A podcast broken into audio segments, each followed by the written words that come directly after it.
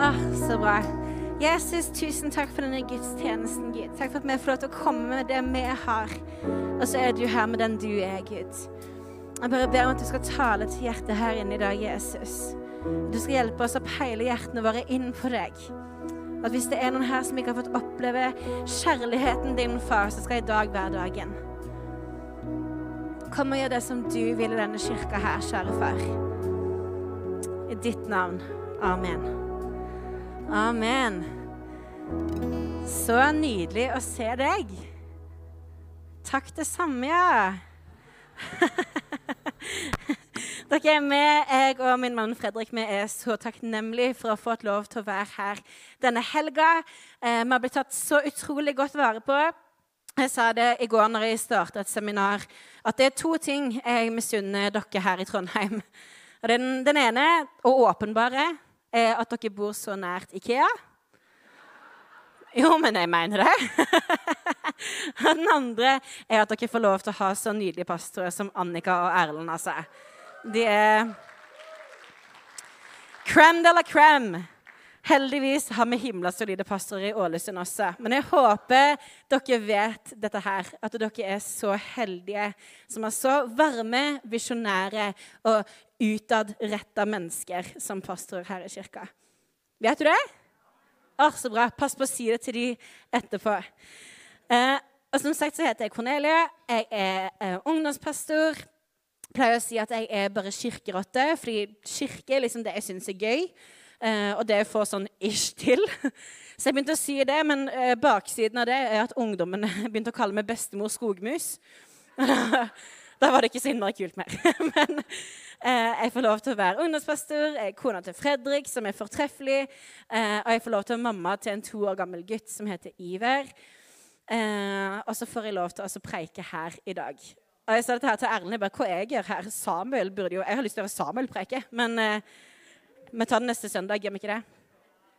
Det er så bra. Det er nyttårsfestival. Jeg vet ikke hva du har bedt for inn i dette nye året. Eh, hvordan du pleier å oppføre deg rundt nyttårsaften. Er det noen som har meldt seg inn på treningssenter? Desember? Meg og Fredrik. Det er bra. Men jeg pleier å være veldig sånn intenst og eh, emosjonelt overgitt til Jesus når det nærmer seg nyttårsaften. Kom og gjør hva du vil, Jesus! Din vilje, ikke min. Jeg gikk eh, noen år i et sånt ungdomsarbeid hvor vi sang hele tiden. Hver fredag. Hvis det var bare litt nøling, så gikk vi rett i sånn Kom som du vil! Gjør hva du vil, Jesus! Eh, og det var veldig fint. Men det var også med en ganske svær bismak i munnen som var sånn Så lenge det ikke er ukomfortabelt, eller jeg ikke har lyst Så lenge jeg fremdeles får en kjæreste. Og så lenge jeg slipper å ha det vondt. Nei? Er det bare meg? Å, herlighet. Dere, dette her blir en hobbypsykologtime, folkens. Nei, men Det er så utrolig enkelt å be Jesus om å komme og gjøre hva du vil. Kom og gjør hva du vil i livet mitt, Jesus. Please. Når vi har det vondt, da vil du jo bare ha alt annerledes. Det er sånn, Ingenting kan være kjipere enn dette, her, så Jesus kan like godt bare slenge seg med i bøtta.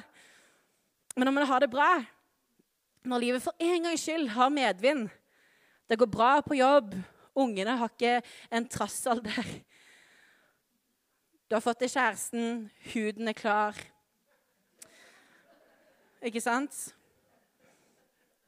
Da frister det ikke alltid så veldig å si 'Gjør akkurat hva du vil, Jesus'. Fordi oddsen er der for at det kommer til å koste oss noe. Tryggheten vår er så dyrebar. Vi har investert sånn i den. I Norge så får vi kjenne på den i en absolutt, absolutt høy grad. Please, Jesus, da, ikke kom og ta den. Og Kanskje så går du inn dette året her og du skjønner at 2023 mørbanker deg. Du sitter her og tenker er jeg menneske eller er jeg kjøttdeig? Og så tenker du alt må være bedre enn dette her. Alt må være bedre enn omstendighetene jeg står oppi. Eller som jeg nevnte, kanskje sitter du her og tenker at jeg har det egentlig veldig veldig bra. Og det er litt ubehagelig å be Jesus om å gjøre noe nytt. Og Jeg kjenner meg veldig igjen i deg. Fram til året 2022 så var jeg en av de som var sånn Kom som du vil, og gjør hva du vil i moderate mengder.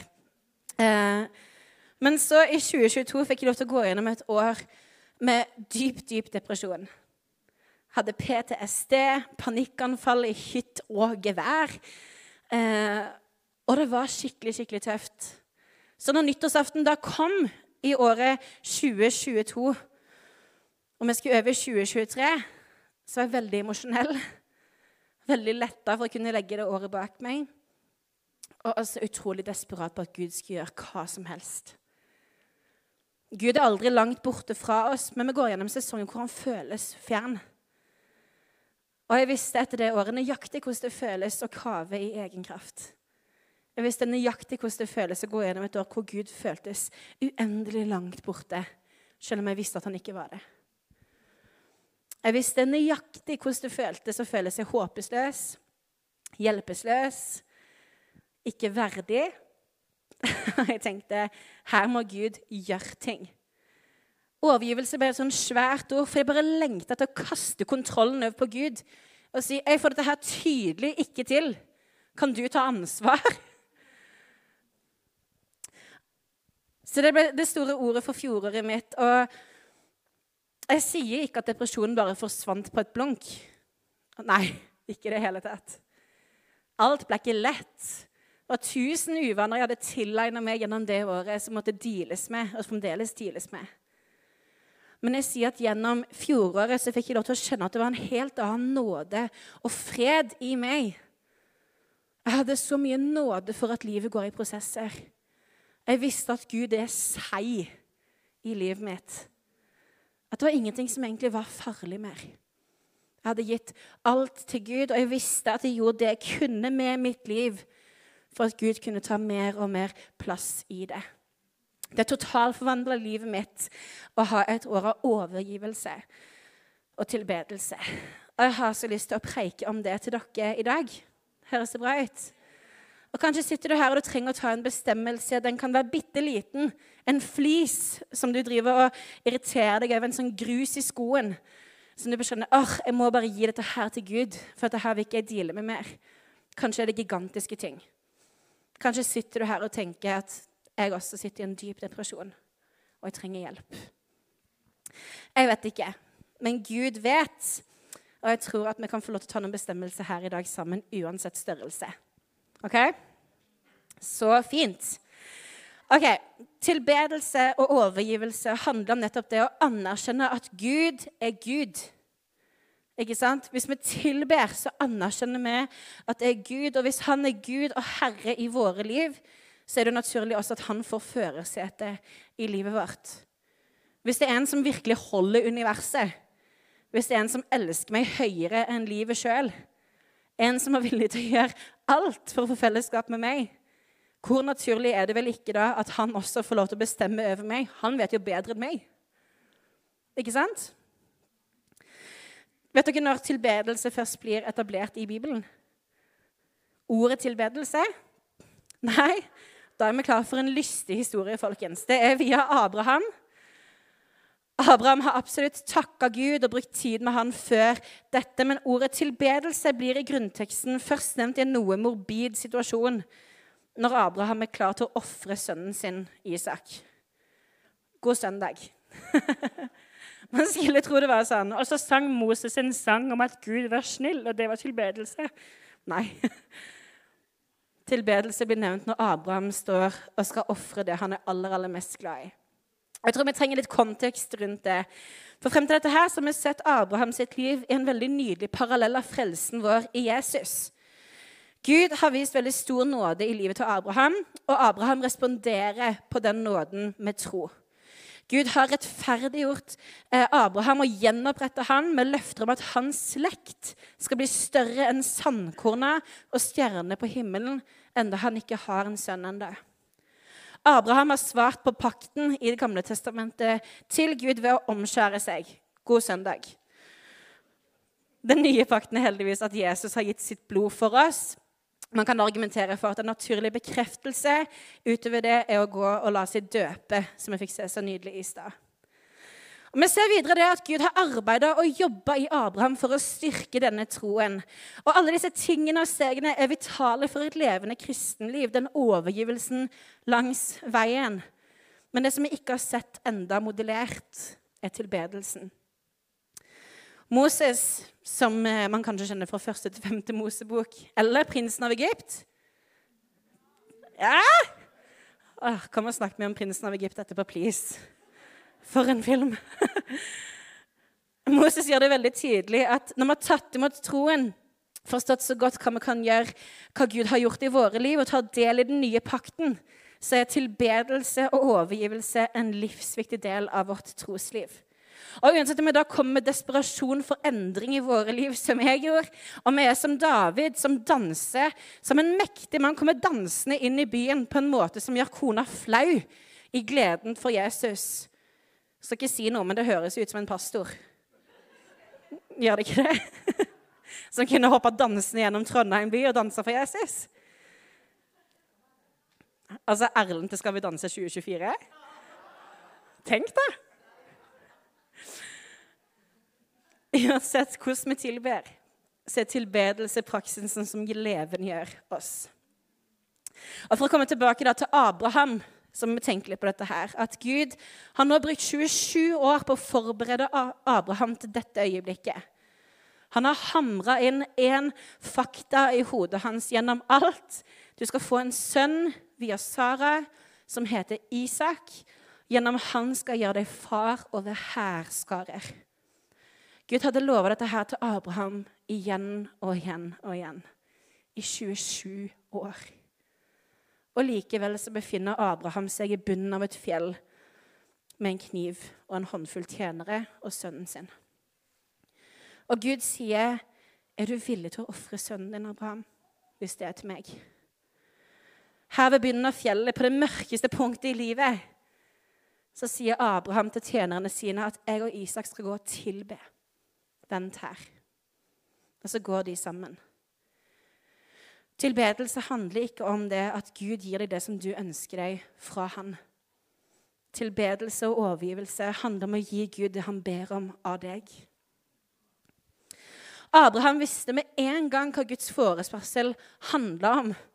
Gud hadde kalt han, redda han, beskytta han og velsigna han. Og han ønska nå tilbedelse fra han. Og Abraham nølte ikke med å gi det heller. Tilbedelse handler om å være villig til å gi Gud det som betyr aller, aller mest. Og vi kan spørre oss sjøl om hadde Gud egentlig, hadde en god Gud krevd livet til Isak? Hadde en god Gud sagt 'drep sønnen din for meg'? Jeg skal være så ærlig at jeg har slitt veldig mye med tanken hvis Isak faktisk hadde dødd. Jeg elsker å se for meg den samtalen rundt middagsbordet. forresten. Tenk på Sara i to sekunder. Det er mye fokus på mennene i Bibelen, men tenk på Sara. ok? For første gang på sju år har hun fått børsta håret sitt. Isak er på guttetur med pappa. Vi har fått lakka neglene, sett en hel sesong av Kompani Lauritzen. Hun har spist bare ostepop i fem dager, og hun lever sitt beste liv. Og så kommer guttene hjem, setter seg ved middagsbordet, og så 'Isak, hadde du det fint på tur med pappa, da? Var det koselig?'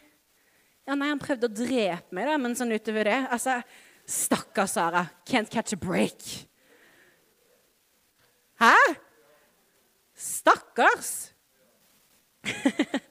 men var det, var det urimelig av Gud å be om livet til Isak? Gud som har gitt oss livet og alt som er i det. Dere, jeg tror ikke at det er noe vi kan gi og overgi til Gud som ikke han allerede fortjener å få han som har gitt oss alt. Isak spør Abraham, muligens noe skjelvent oppå det fjellet, hva de skal ofre i tilbedelse. Og Av erfaring så svarer Abraham at Gud skal sørge for offerlammet. Abraham visste at Gud hadde forsørga for han alltid. Og Gud hadde aldri trådt frem for Abraham for å få noe av han. Gud hadde aldri vært noe annet enn en god giver i livet til Abraham. Han, visste, han hadde vist hele tiden at det er ingenting du kan overgi til Gud som ikke han kan gi tilbake, eller tilbakebetale med renter. Og Abraham var derfor ikke bekymra, for han visste ikke hvor løsningen skulle komme fra.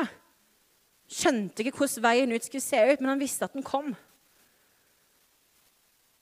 Og For en gangs skyld så skjer akkurat det som Abraham forventer. Han rekker ikke å legge en hånd på Isak før Gud sender en engel som stanser han. Vi kan lese sammen i første Mosebok 22, 12. At Gud sa at engelen sier, 'Legg ikke hånd på gutten. Gjør ham ikke noe.' Nå vet jeg at du frykter Gud, for du har ikke spart en eneste sønn for meg. Og Ordet brukt i denne grunnteksten for vår forståelse av frykter er den ærefrykten vi ofte snakker om. En annen form for tilbedelse av å anerkjenne at Gud er Gud, og vi er mennesker.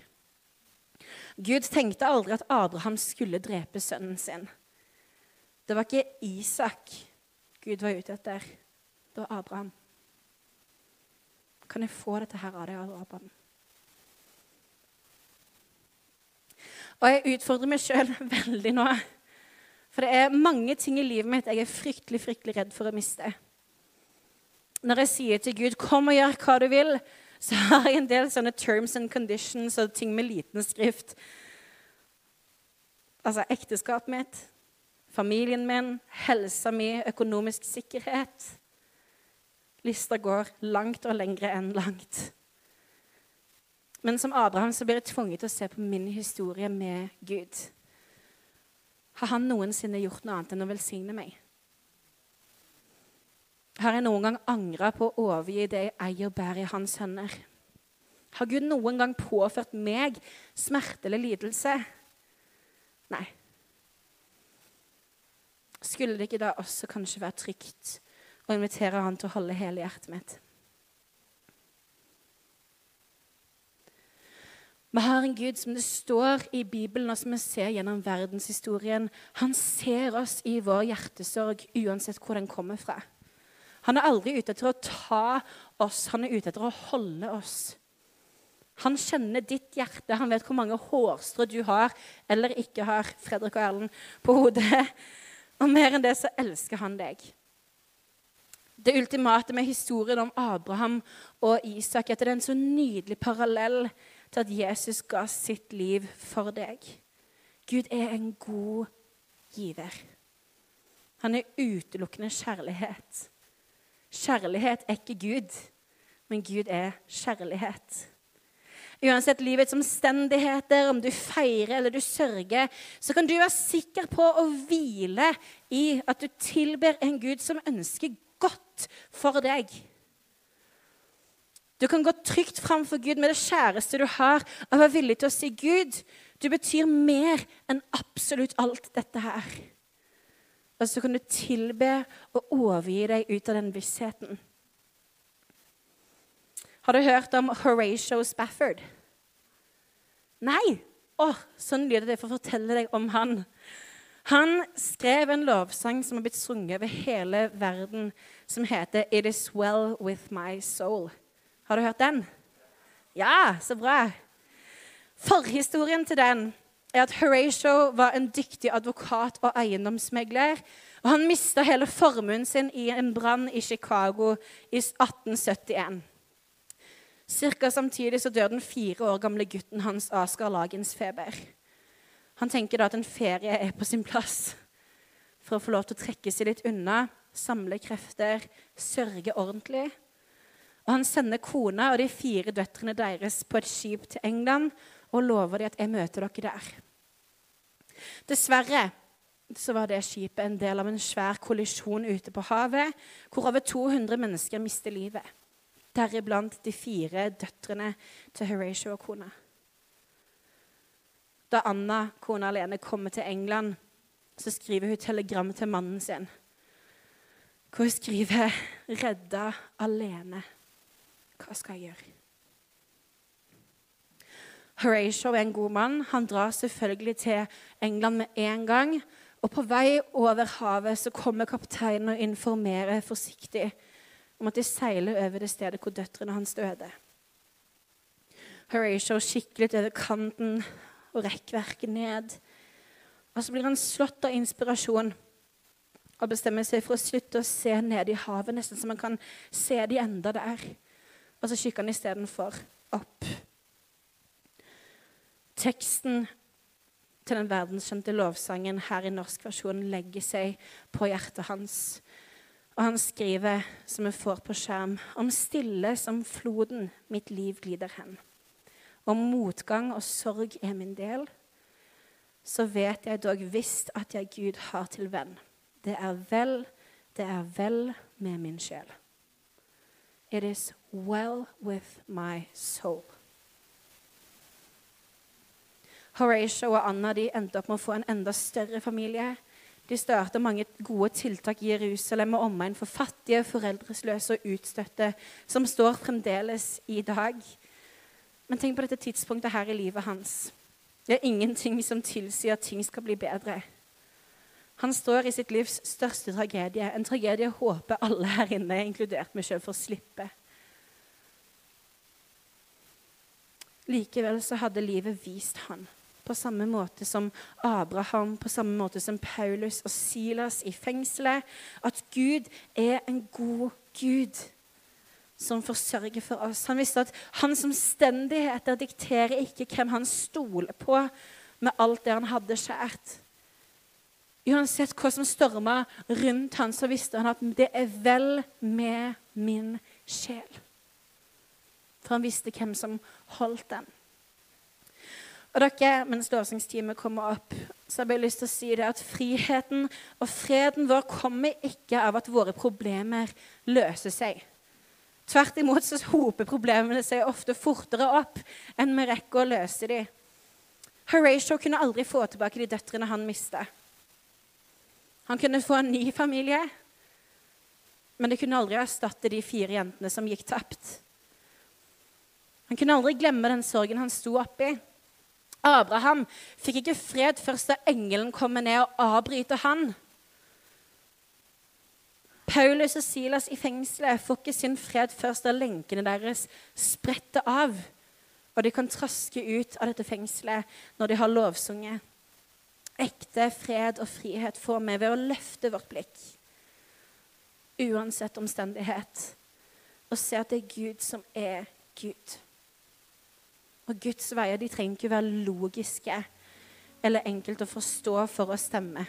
Gud er en annen liga. Han er begynnelsen, han er enden. Og Vi kommer aldri på jorda til å kunne forstå eller rettferdiggjøre alt det vonde som skjer. Det er en brutt verden. Du skal ikke lenger enn til framsiden av avisen for å se urettferdigheten som herjer overalt. Lenger enn til Facebook for å se noen du er glad i, som har blitt syke lenger enn å ta en telefon til noen du er glad i, for å si at de er blitt såra.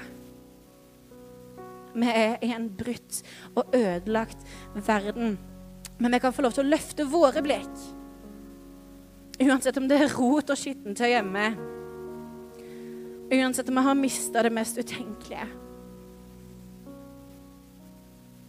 Om det er i bunde sorg, i ellevill barnslig glede, og si det er vel med min sjel. For en dag så kommer det ikke til å være mer sorg og elendighet. En dag så kommer det ikke til å være mer sykdom. En dag så kommer det aldri til å være noen barn som legger seg sultne. En dag så kan vi få lov til å forstå de tingene som ikke er synlige for oss ennå. Og han som har kontroll da, er han samme vi kan få lov til å gi hjertene våre til nå og si 'Jeg forstår ikke alt'. Jeg er redd for å overgi meg. Jeg er redd for å tilbe. Jeg er redd for å miste de gode tingene jeg har. Men dere, vi har en Gud som ikke vil ta oss, men som vil holde oss. Og som er verdig vår tilbedelse og vår overgivelse. Kan vi reise oss opp? Så nydelig. Jeg har så lyst til å være med og be med deg der som du står. Og Jeg nevnte en haug av kategorier i starten av talen. Jeg trenger ikke å gjenta de, selv om du kanskje har glemt de. Men jeg tror at det er mennesker som står her og tenker jeg vet at dette her er ting som jeg må bare gi til Jesus. Jeg vet at dette er et område i livet mitt, noe jeg er redd for å miste, noe jeg ikke tør å legge foran han. Noe som holder meg tilbake fra totalt overgi meg. Gud har aldri gjort noe annet enn å velsigne oss. Aldri gjort noe annet enn å elske oss. Aldri gjort noe annet enn å gi oss enda mer enn det vi kan håpe og drømme om og be om, når vi tør å møte Han. Så vi skal lukke øynene, alle sammen som er her inne. Ikke fordi det er hemmelig, men fordi det er personlig. Og hvis du er her som kjenner at du har noe du må overgi til Gud her i formiddag, så kan du få lov til å rekke opp hånda di som et tegn til Gud, og så ber vi sammen. Fantastisk. Masse hender i hele rommet. Så nydelig. Da ber vi. Jesus Takk for at du aldri har straffa oss med noe. Takk for at du elsker oss, og du er en god giver. Takk, Gud, for at du sendte Jesus til å dø på et kors og stå opp fra de døde for å ha fellesskap med oss og for å redde oss ut, Gud. Takk for at du er helt trygg å komme til med det vi bærer på. Og du ser de som hadde oppbrakte hender, Jesus, de som kjenner på innsiden av seg, at de har områder av livet som de ikke har overgitt til deg ennå.